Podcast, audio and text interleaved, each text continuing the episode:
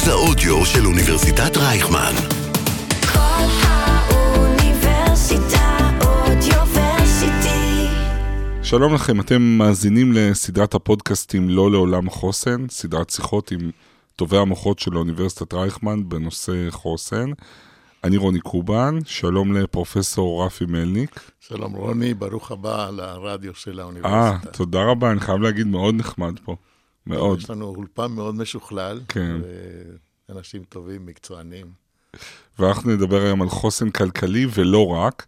נגיד כמה מילים עליך, זה באמת רזומה אינסופי, אבל כמה, אני אדלג בין כמה תחנות, כלכלן ישראלי, לשעבר נשיאה של אוניברסיטת רייכמן, לשעבר משנה לנשיא לעניינים אקדמיים, ממלא מקום הנשיא, אה, מרצה בית ספר לכלכלה, חבר בוועדה המייעצת למועצה הכלכלית-חברתית במשרד ראש הממשלה, חבר בוועדה המייעצת לשר האוצר, היית חבר בוועדת טרכטנברג, שקמה בעקבות מחאת האוהלים, ניסיתם להציע פתרונות, לא בטוח שמישהו הקשיב לכם.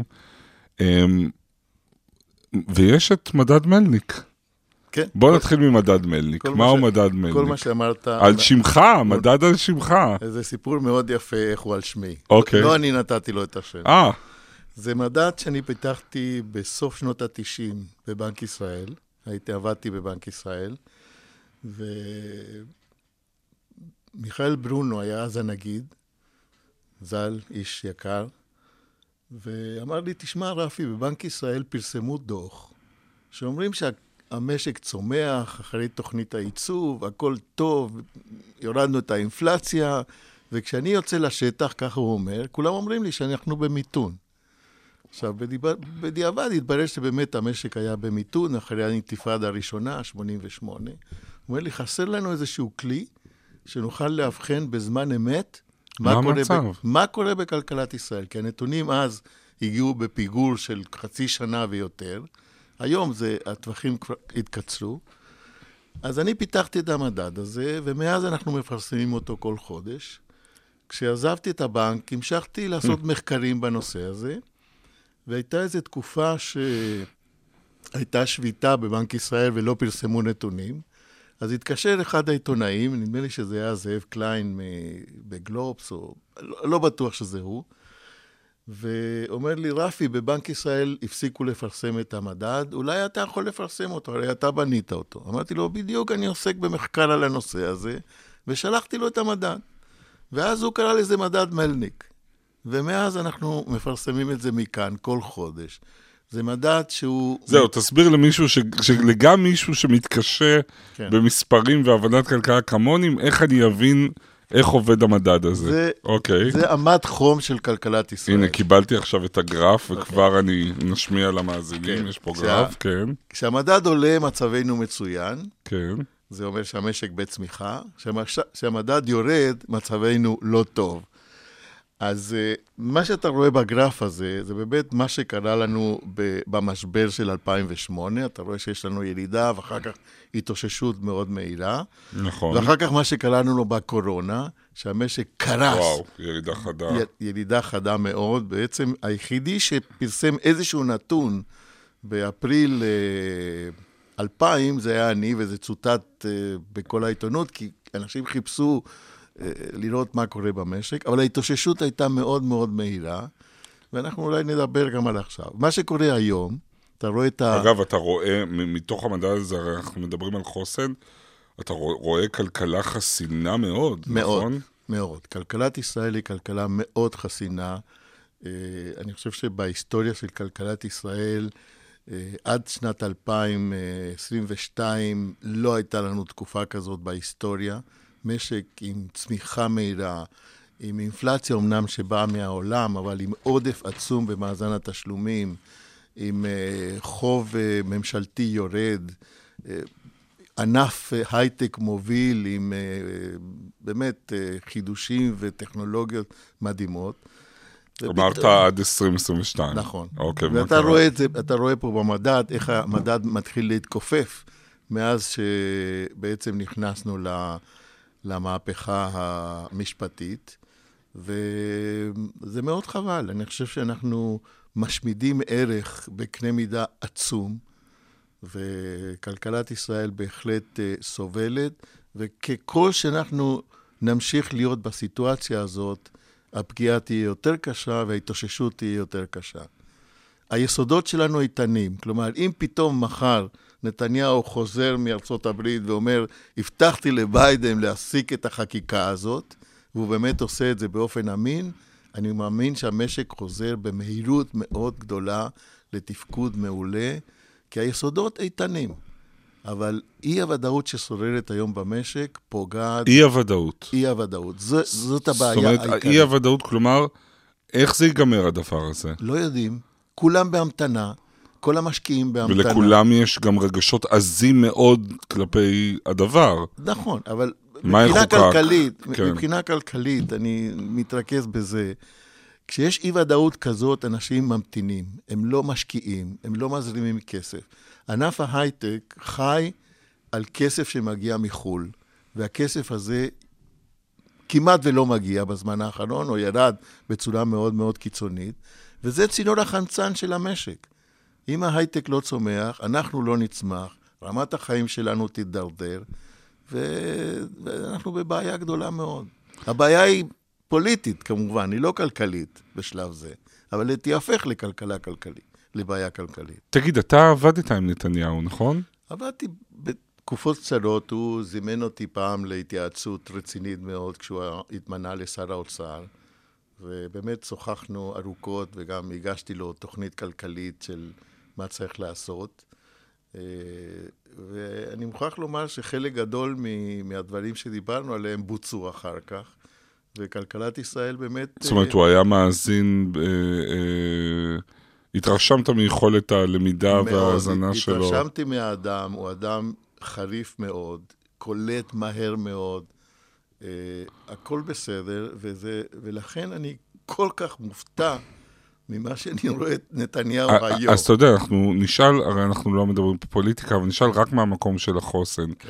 איש שבמשך שנים הקדיש את עצמו לבניית החוסן שלנו, לשיפורו, איך הוא עכשיו אה, שותף למשהו שלפחות מהזווית הכלכלית נראה כמו פגיעה בחוסן שלנו? זה... אגב, יותר מזה, איש שממש אה, אה, ברגעי משבר כשר אוצר ביצר את, ה, את החוסן הכלכלי. לגמרי, לגמרי. איך הוא נותן יד למשהו שהוא רואה, הרי אני בטוח שהוא מבין שהכלכלה נפגעת, נכון? אני- חוסנה נפגע. אני בטוח שהוא מבין, ומה שלי כואב באופן אישי אפילו, שתקציב המדינה שעבר הוא תקציב שאיננו מתמודד עם האתגרים האמיתיים של המשק. זה תקציב שהוא, הייתה לו, אם אני יכול לפרש את זה, מטרה אחת, והיא לשרת את הקואליציה. לא מעבר. אבל זה לא תמיד ככה? תמיד יש את האלמנטים האלה, כן? של הכאן ותן וכך ו... וזה, אבל בדרך כלל התקציב גם מביא בשורה כלכלית, רפורמות, תוכניות כלכליות. בתקציב שאנחנו חיים בו הרגע אין שום דבר מהסוג... שמו את האתגרים הכלכליים בצד, ואתה יודע, טיפלו ב, ב, ב, ביציבות הקואליציה, וזה, אנחנו רואים את התוצאות של זה. עכשיו, אם אני מבין ממך, כלכלה חסינה, כמו שהראית לי בגרף, במדד מלניק, יודעת להתמודד ולהתאושש מהר מאוד. כלכלת ישראל היא כלכלה ח... עם חוסן גדול. עם חוסן, תראה, החוסן התפתח על פני זמן. זה לא משהו שהיה לנו תמיד. אני נכנסתי לנושא של חוסן, אני סטטיסטיקאי גם במקור, כן? חוץ מזה שלמדתי כלכלה. ולפני כ-20 שנה או יותר, אה, עוזי ארד אז היה מנהל את כנסי הרצליה, ישבנו ואמרנו, תשמע, מדברים, מדברים, מדברים, בואו נפתח איזשהו מדד כמותי שאפשר לראות האם החוסן שלנו עולה, אם הוא יורד, איך אנחנו מול אחרים. וזה. ובאמת עבדתי על זה עם צוות גדול, ופיתחנו את החוסן. את מדד החוסן, זה לא רק מדד מלניק, זה מסד, מדד חוסן שמוצג בדרך כלל בפתיחה של כנסי הרצליה. הוא, ישבנו וחשבנו איך אפשר למדוד את זה. ולאיזה מסקנה הגעתם? והגענו למסקנה שאת החוסן אי אפשר, אי אפשר למדוד, למדוד. אבל מה שכן אפשר למדוד, זה איך החוסן משתנה. אוקיי. כלומר, יש לנו פה שורה של משתנים, כן? ואם אני אשאל אותך, למשל, כשהתוצר של המשק עולה, החוסן יורד או עולה? עולה. עולה. אז השינויים האלה, על כל, אם האינפלציה עולה, החוסן נפגע או משתפר? נפגע. בדיוק. אז את השינויים במדדים האלה אנחנו יודעים למדוד, ולכן פיתחנו שיטה, בנינו איזשהו בסיס השוואתי, ומאותה נקודת זמן, על הש- השינויים באינדיקטורים השונים, מאפשרים לנו למדוד האם החוסן משתפר או מורע. ובאמת, ב- ב- אז ממה שאתה מודד עכשיו, או שאי אפשר למדוד אה, כל כך קרוב? זה קרוב, זה, זה בעייתי, אבל אני יכול להראות לך שהחוסן מאז, כן, וואו. הוא, הוא חוסן שעולה ומשתפר, ואתה יכול לראות למשל בתקופה של האינתיפאדה השנייה, 2001-2002, איך החוסן נפגע בצורה מאוד קשה. אתה יכול לראות גם בגרף הזה שאני מראה, שב-2008, כשהיה משבר פיננסי עולמי, החוסן של כלכלת ישראל כמעט ולא הרגיש את זה, אוקיי? והמשכנו. להשתפר. אבל אתה גם רואה שב-2019, לפני הקורונה, החוסן שלנו התחיל להתערער. זה קשור לבעיות הפוליטיות שלנו ולחוסר מדיניות ברורה של הממשלות בתקופה הזאת, ואנחנו רואים את הקשר בין הפוליטיקה לכלכלה. אז אם אני מבין אותך נכון, אה, אה, הכלכלה יכולה להתמודד עם איזשהו משבר נקודתי, אבל ככל שהמשבר הזה ילך ויתמשך, כך גם החוסן ייפגע יותר ויותר, ואנחנו נמצא את עצמנו בהאטה או ב... כן, אנחנו יכולים למצוא את עצמנו. תראה, אה, אנשים, כש, כשפרצה ההפיכה המשטרית הזאת, כלכלנים הוציאו מש, מספר אה, מכתבים, ש, שהחתמות, כן, גם אני חתמתי על זה. ונוצרה תחושה שאו-טו-טו, באופן מיידי, אנחנו נכנסים לברוך כלכלי. וזה לא המצב. זה לא המצב. המצב הוא שאנחנו נכנסים לתהליך. אנחנו נכנסים לתהליך שבו המצב הולך ונהיה פחות ופחות טוב, וככל שהמצב, ככל שהסיטואציה הזאת נמשכת, יותר קשה יהיה לנו להתאושש בהמשך. אני- ואנחנו- אני רוצה לזרוק לך שתי מילים בהקשר הזה, שכל הזמן עולות. זה הייטק כן, ואינפלציה. נכון. בוא טיפה נדבר על ההייטק, אה, אבל, אבל, אבל ממש ש, שנבין. כולם מדברים על זה שההייטק הכי ייפגע, וההייטק הוא מרכיב סופר משמעותי, ולכן כלכלה כולה תיפגע. מה קורה בעצם? תראה, אני, אמרנו את זה כבר בהתחלה. צינור החמצן של ההייטק זה כספים שבאים מחוץ לארץ לממן את הסטארט-אפים ואת הפעולות השונות, את המעבדות שהוקמו כאן וכך הלאה. צינור החמצן הזה נפגע בצורה מאוד קיצונית. זה לא שעוד ייפגע, אנחנו כבר רואים שכספים לא זורמים לענף הזה, כמו שזרמו לפני שנה, לפני שנתיים. כתוצאה מזה, פחות הייטק, פחות פיתוחים, פחות מימון, פחות מחקרים, ובסופו של דבר, פחות צמיחה של המשק. ענף ההייטק הוא הענף שהצמיח את כלכלת ישראל. הוא הענף שמספק אחוז גבוה מאוד מהמיסים שהממשלה מקבלת.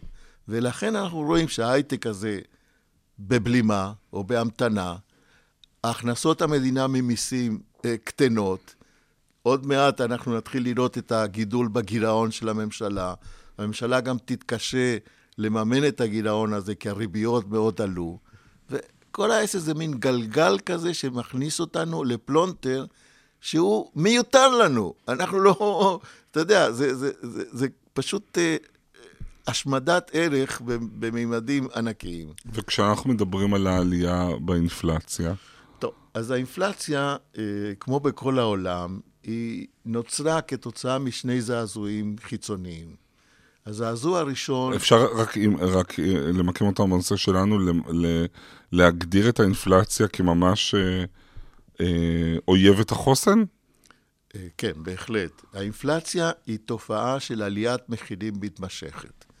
העליית המחירים הזאת, מיד נדבר על הסיבות, אבל עליית המחירים הזאת משבשת את היכולת של כלכלנים ושל פירמות ומשקי בית לקבל החלטות טובות. כי לא יודעים בדיוק מה המחירים, לא יודעים בדיוק מתי זה. האינפלציה הולכת גם עם גידול אי-הוודאות. אה, האינפלציה גם פוגעת מאוד בשכבות החלשות, שלא יודעות להתגונן בפני עליית המחירים.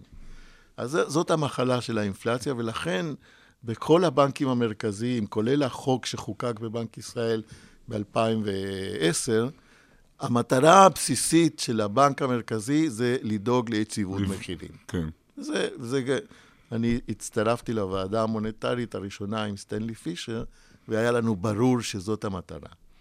אבל איך התחילה האינפלציה? האינפלציה התחילה משני זעזועים חיצוניים. זעזוע ראשון היה הקורונה. הקורונה פגעה בשרשראות האספקה. כלומר, מוצרים שהיו רגילים להגיע לשווקים, פתאום לא הגיעו. נוצר עודף ביקוש, וכשיש עודף ביקוש, המחירים, עולים. עולים. אוקיי? אז זאת זאת. On top of that, פרצה מלחמה באוקראינה, והיא גרמה לעלייה חדה מאוד במחירי האנרגיה, ג- עלייה מאוד גדולה במחירי המזון. אוקראינה היא ספקית גדולה מאוד של, של חיטה ושל בכלל, של מזון. וזה העלה את המחירים בעולם. אבל זה לא היה צריך לפתח את האינפלציה, זה היה אולי עלייה במחירים, ו, ו, וזהו, וזה היה מסתפק. מה שקרה, שהזעזוע הזה נחת על משק עולמי, וגם בישראל, עם ריבית אפס. כלומר, משק שהוא מוצף בנזילות, שהוזרמה כדי להתמודד עם הקורונה. ולכן כשיש הרבה כסף, יש זעזוע של מחירים, האינפלציה מתפרצת. היה צריך לטפל בשתי בעיות. א', להעלות את הריביות ולהביא אותם למצב שבו אה, הסביבה היא סביבה לא מרחיבה, וב', להעלות אותם קצת מעבר כדי לרסן באמת ו- ולא- ו- ולפגוע באינפלציה. אז זה מה שנעשה. אני חושב שבישראל נהגו נכון.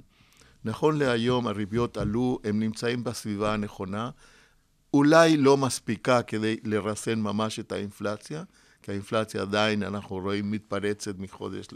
אבל אתה לא חושב שנראה פה מראות שהיו בשנות ה-80? ממש לא. זו הסיטואציה היא שונה לחלוטין. אוקיי. זה לא... אבל שומע אותנו הסטודנט המאזין שלא מבין שום דבר, כלום, שמבין כלום ושום דבר בכלכלה, אומר לעצמו מה אני עושה בחלקת האלוהים הקטנה שלי, הפרטית שלי, איך אני מגן על עצמי מה- מהאינפלציה, מהמשברים.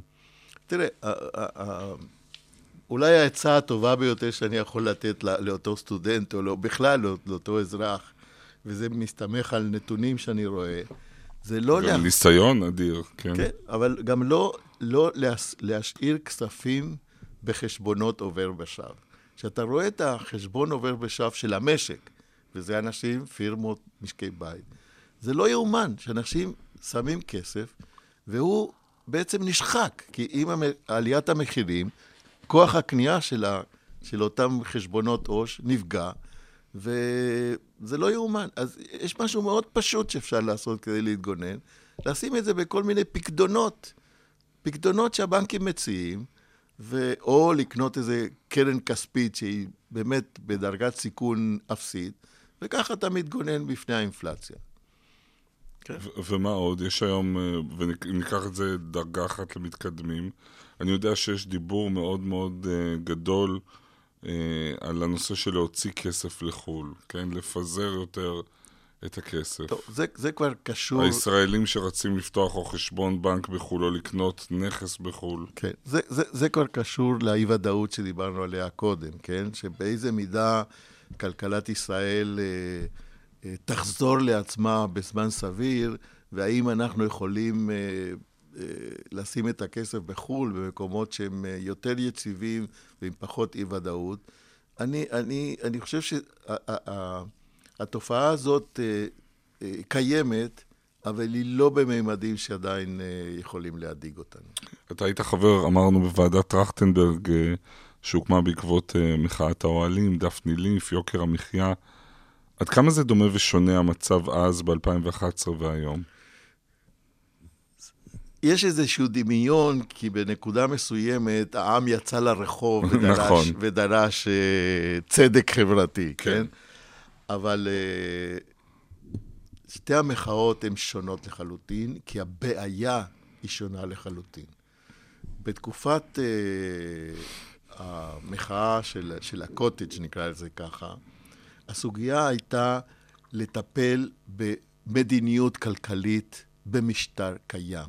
כלומר, המדיניות הייתה צריכה להשתנות, ואנשים יצאו לרחוב כדי לדרוש שינויים בסדרי הקדימויות של הממשלה, הקצאה יותר נכונה של, של, של מקורות וכך הלאה. היום המחאה היא שונה לגמרי. היום המחאה היא על שמירה על המשטר של מדינת ישראל. כלומר, יש פה משהו ביסודות של החברה הישראלית שהתערער. שהתערער ושנלחמים כדי להגן על, ה, על הדמוקרטיה הישראלית ועל החברה הישראלית כפי שהכרנו אותה, כפי שלחמנו למענה אה, כל השנים.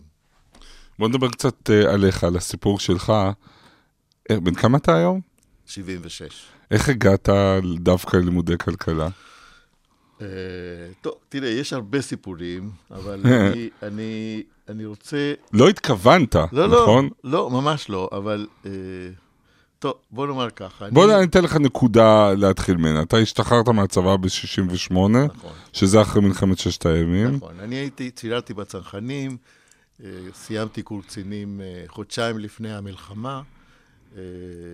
היינו קבוצה של צנחנים, של קצינים, לא משובצים, כי עוד לא הספיקו לשלוח אותנו ליחידות. הקימו איזה גדוד של נחלאים שהיו מפוזרים בכל מיני מקומות, שלפו אותי, אמרו לי, הנה, אתה מפקד מחלקה וזה, עולים על תאופיק ברמת הגולן. טוב, בסדר, זה חיילים שלא הכרתי, לא אימנתי. ראיתי שמשהו פה לא, לא בסדר, הגדוד, מפקדת הגדוד הייתה ב, ב, בדגניה למטה, אנחנו היינו באלומות עם פלוגה. אה, ואז אה, מגיעה מלחמת ששת הימים, ואומרים לנו, טוב, עולים על תאופיק, ולא היה קבודה, קבוצת פקודות, לא היה כלום. בעצם זה לא, זה היה נראה לי שאנחנו יוצאים לקרב בלי, בלי, בלי הכנות, אה, כפי שאתה יודע, אתה בא ישר מבה"ד 1 עם כל הדוקטרינות וכל התוכניות. ובעצם התברר שהתפקיד של הגדוד שלנו היה לעשות מין הטיה, כדי שהסורים לא ידעו בדיוק מאיפה עולים עליהם, ואז הלכנו ברגל מדגניה לתל קציר, ושם חטפנו קשה מאוד, באמת, אה, זיכרונו לברכה, שלמה חלמי, שהיה המג"ד שלנו, חטף פגיעה ישירה ונהרג, וגם הקצין קשר נהרג. חטפנו שם קשה, וזאת הייתה מלחמת ששת הימים בשבילי. אבל לפני זה, או, לפני זה חלמתי על uh, להיות בטיס, כן? הייתי, אני גדלתי במשמר העמק, הייתי רואה את המיראז'ים מתרוממים ברמת אביד, אמרתי, אני רוצה להיות באחד מאלה. וכשהגעתי למבדקים, אמרו לי, תשמע, יש לך בעיה בעיניים, אתה לא יכול להיות טייס. אמרתי, בסדר. הלכתי לצנחנים ובסדר. אבל כשבאתי ללמוד אחרי השירות, אמרתי, אני אלמד הנדסה אווירונאוטית בטכניון, וככה אני אגיע לטיס מלמעלה. טוב, הגעתי לטכניון, נרשמתי, הייתה לי בגרות מצ'וקמקת, כי בקיבוץ אז לא עשו בגרות, עשיתי כל מיני מבחנים אתה בכלל קיבוצניק. כן. קיבוצניק, כן, אקסטרני עשיתי. בסדר, איכשהו הוצאתי תעודת בגרות.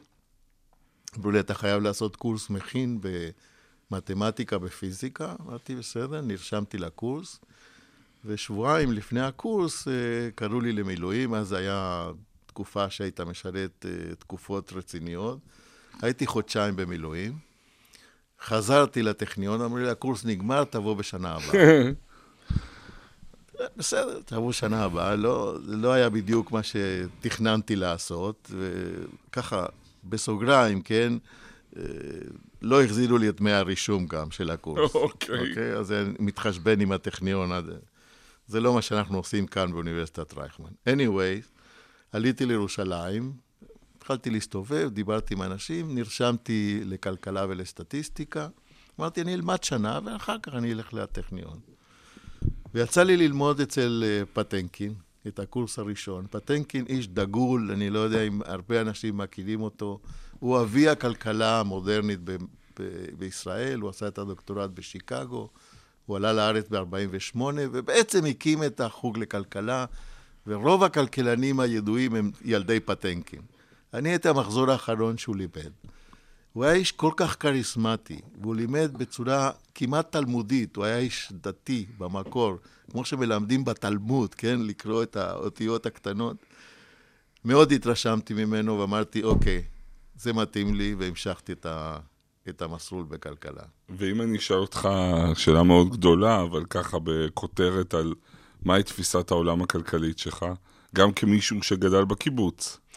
תראה, עד, עד הנסיעה שלי לדוקטורט, אני אה, הייתי איש שמאל קיצוני מבחינה כלכלית, כן? איש מפ"ם, כן? אה, האמנתי בכלכלה מתוכננת ובכלכלה סוציאליסטית, אפשר לקרוא לזה ככה. אבל כשהגעתי לארה"ב, בעצם נפתח לי עולם חדש, וראיתי איך השווקים מתפקדים, ובעצם דעתה השתנו. אני היום מאמין, מאז בעצם, בכלכלת שוק. השוק יש לו עוצמה גדולה מאוד לפתור חלק גדול מהבעיות שכלכלות מתוכננות לא יודעות uh, לפתור. נכון שהממשלה צריכה להיות מעורבת, כן? כי יש כשלי שוק ויש uh, דברים שהשוק לא יודע להתמודד איתם, אבל בגדול אני uh, מאמין ב- בליברליזם ובכלכלה חופשית. ו- ואם נקפוץ ל- לתפקיד שלך כנשיא רייכמן לשעבר, איזה תפקיד בעיניך יש לאקדמיה כשמדברים על יצירה של חוסן לאומי כלכלי? טוב, תראה, אנחנו שמנו לעצמנו כאן באוניברסיטת רייכמן אה, משימה אה, אולי יומרנית, אבל אולי אה, אה, זאת, בעצם זאת הסיסמה שלנו. אנחנו רוצים לגדל את המנהיגות העתידית של מדינת ישראל, ונותנים לה באמת את מיטב ההשכלה שאנחנו מסוגלים לתת, וגם אה, מחנכים אותם לערכים. הסיסמה שלנו כאן זה חירות ואחריות. חירות לשאוף ל, ל, להגשמה עצמית ולהשגת מטרות אישיות. אה, זה לא בושה, כן, אה, לדאוג אה, לך ולקריירה העצמית שלך. אבל במקביל לזה, ככל שאתה יותר מצליח, גם לדאוג למי שלא יודע לדאוג לעצמו. כלומר, זאת הסיסמה שלנו של החירות והאחריות. הפיתוח הזה של ההון האנושי, יש לנו כבר עשרות אלפי בוגרים שנמצאים בכל ענפי המשק, זאת משימה אדירה. אני חושב, אה, אנחנו מתקרבים לסיום, אני חושב, אה, אה, דיברנו על ההתחלה, על ההתמודדות על המצב, אבל אתה יודע, מה שמאוד מייחד את התקופה, אתה התחלנו את הפגישה כשהבאת לי כל מיני גרפים מאוד מעניינים, ואני מפחד מגרפים, אבל הצלחתי להבין בגדול. הבעיה היא של התקופה היא הוויכוח על הגרפים. אתה בטח מרגיש את זה גם. זאת אומרת, אין שום דבר כמעט שאנחנו מסכימים עליו. העובדות שנויות במחלוקת. אה, רובנו, חלק גדול מאיתנו, צורכים פייק ניוז מבלי לדעת. ואתה כלכלן, כן, איש שכל הזמן מנסה למשש את הדופק של מה שקורה באמת. כן, הרי שר האוצר יכול להסתכל על מה שאנחנו מדברים בינינו עכשיו ולהגיד, שטויות, הם שניהם מחנה פוליטי כזה או אחר לא שלי, ולכן הם מסתכלים בעיניים קודרות, מצב הכלכלה היה, לא היה טוב, הכי טוב שהיה לנו אי פעם. זה נורא מסוכן, נכון? שאין לנו בעצם תשתית עובדתית שאנחנו מסכימים עליה. אה, קודם כל, יש לנו תשתית עובדתית שהיא מיוצרת על ידי הלשכה המרכזית לסטטיסטיקה. אלה עובדות, הן לא פרשנויות. ואת הדברים האלה אנחנו יכולים למדוד. אתה אומר, עם זה אי אפשר להתווכח. כן, יש לנו את עליית המחירים, יש לנו את עליית התוצר, יש לנו את התעסוקה, יש לנו את האבטלה, יש לנו את מאזן התשלומים. אלה מספרים שאנחנו יודעים. כמובן ש, אה, ש, שאפשר לפרש אותם לכאן ולכאן, אבל אני חושב שבהקשר הכלכלי, כן, הדיון העיקרי עם שר האוצר ואפילו עם נתניהו, הוא שהם אומרים, המשק מעולם לא היה טוב, אבל הם מסתכלים אחורה, הם לא מסתכלים קדימה. וזה בדיוק, בדיוק הוויכוח שיש לי איתם.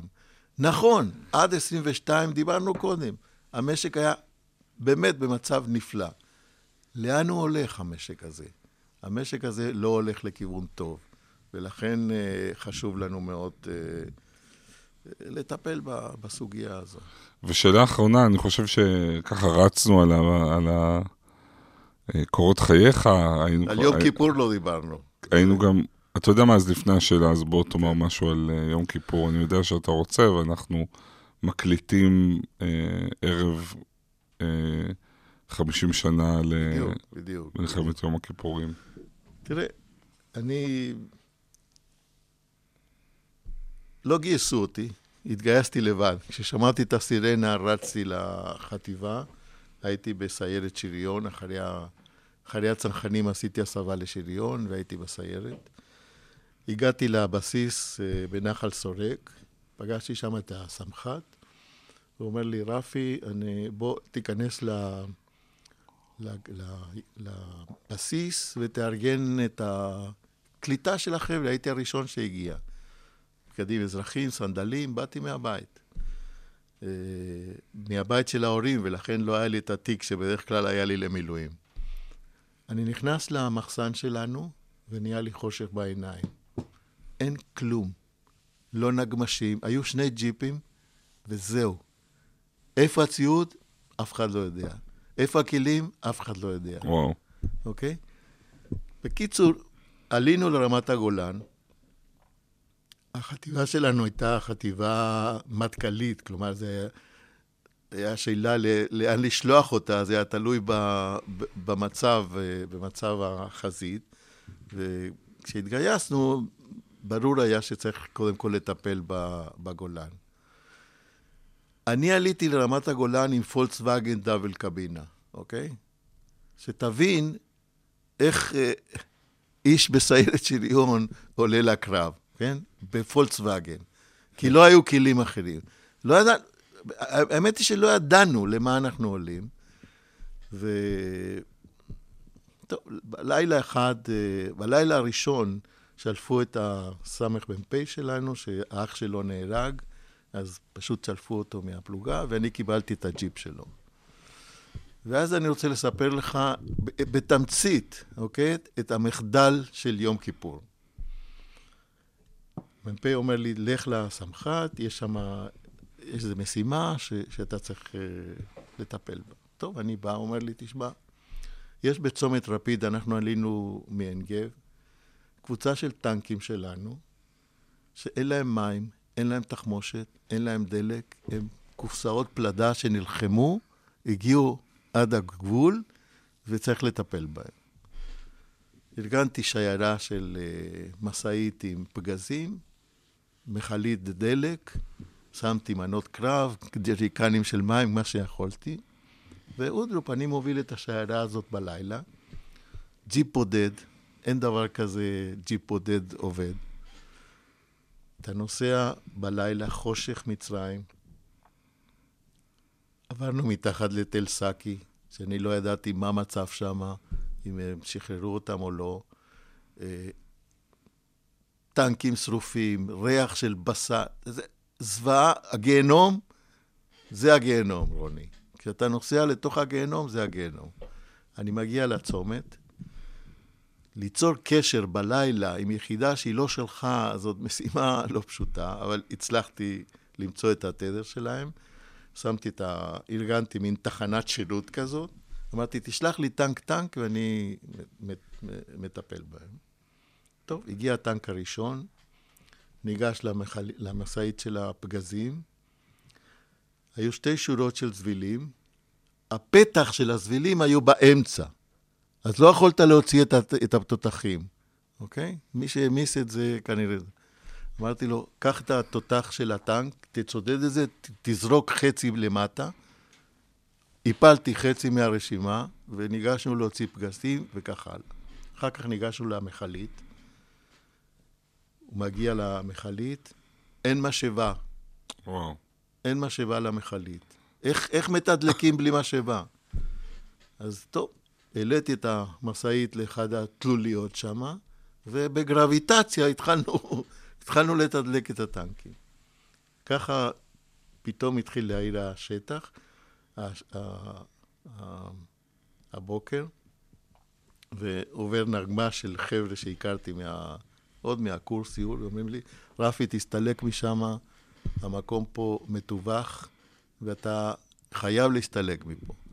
מה אני עושה? אני לא יכול להסתלק, טנקים עוד לא מתודלקים ולא זה. אני אומר, אני נשאר פה, יהיה מה שיהיה. וככה, 20 דקות אחרי זה מתחילה הפגזה. רוני, אם אני חי פה, זה נס שאתה יודע, נס של, הנס, של הניסים. איכשהו יצאנו משם, אה, ארגנו את, ה- את השיירה בחזרה, וכשנוסעים חזרה, יורד עליי מיג, אוקיי? על השיירה, מיג. אני מסתכל על המיג הזה, אני רואה, כל לילה אני רואה אותו. אני רואה את הטייס עם המשקפיים שלו, יורד עלינו, אני תופס את המקלע, מתחיל, מנסה לראות, המקלע לא יורה. היה לי עצבים, תפסתי את העוזי ויריתי מחסנית שלמה. הוא לא פגע בנו, הוא עבר ולא פגע בנו. אני יודע, הלילה הזה בשבילי זה המחדל של יום הכיפורים. אני לא אספר לך את כל הדברים שעשיתי אחר כך, אבל... אה, אני מצייר את התמונה אה, מפחידה מספיק. ממש. אה, וזה טוען את כל מה שדיברנו עליו קודם אה, בכל כך הרבה משמעות. אה, אני אשאל עוד שאלה אחת, דבר אחד לא משתנה לאורך השנים, וזה האימה והחשש של רובנו ממספרים, האותיות הקטנות, ממוספי הכלכלה, קוראים והמוח נאטם. וכשאנחנו מדברים על חוסן, אני חושב שגם ההנגשה והניסיון כן להבין זה חשוב לחוסן, נכון? כי, כש, כי כשיש לנו המון המון אנשים שהם מנותקים, או כמו שאתה אומר, אפילו משאירים את הכסף בעובר ושב, אומרים, זה, זה, אני לא, זה מחוץ לתחום ידי אינה משגת, המוח שלי אינו משג, זה בעיה. איך, איך אנחנו יכולים להפוך את הנושא הזה ליותר ידידותי לסביבה, טיפה להתקרב אליו, לנסות להבין? טוב, תראה, אני, אני מאמין בהשכלה ואני מאמין בידע.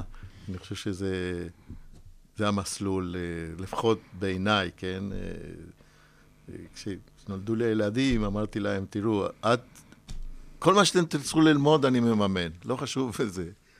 העיקר תלכו ללמוד. וכולם באמת למדו את זה. אני חושב שיש לנו תפקיד. אה, יש לנו כנס שנתי שאנחנו עושים אה, כאן בא- באוניברסיטה על חינוך פיננסי. אה, באים הרבה אנשים לשמוע. בקיצור, חינוך. חינוך זה.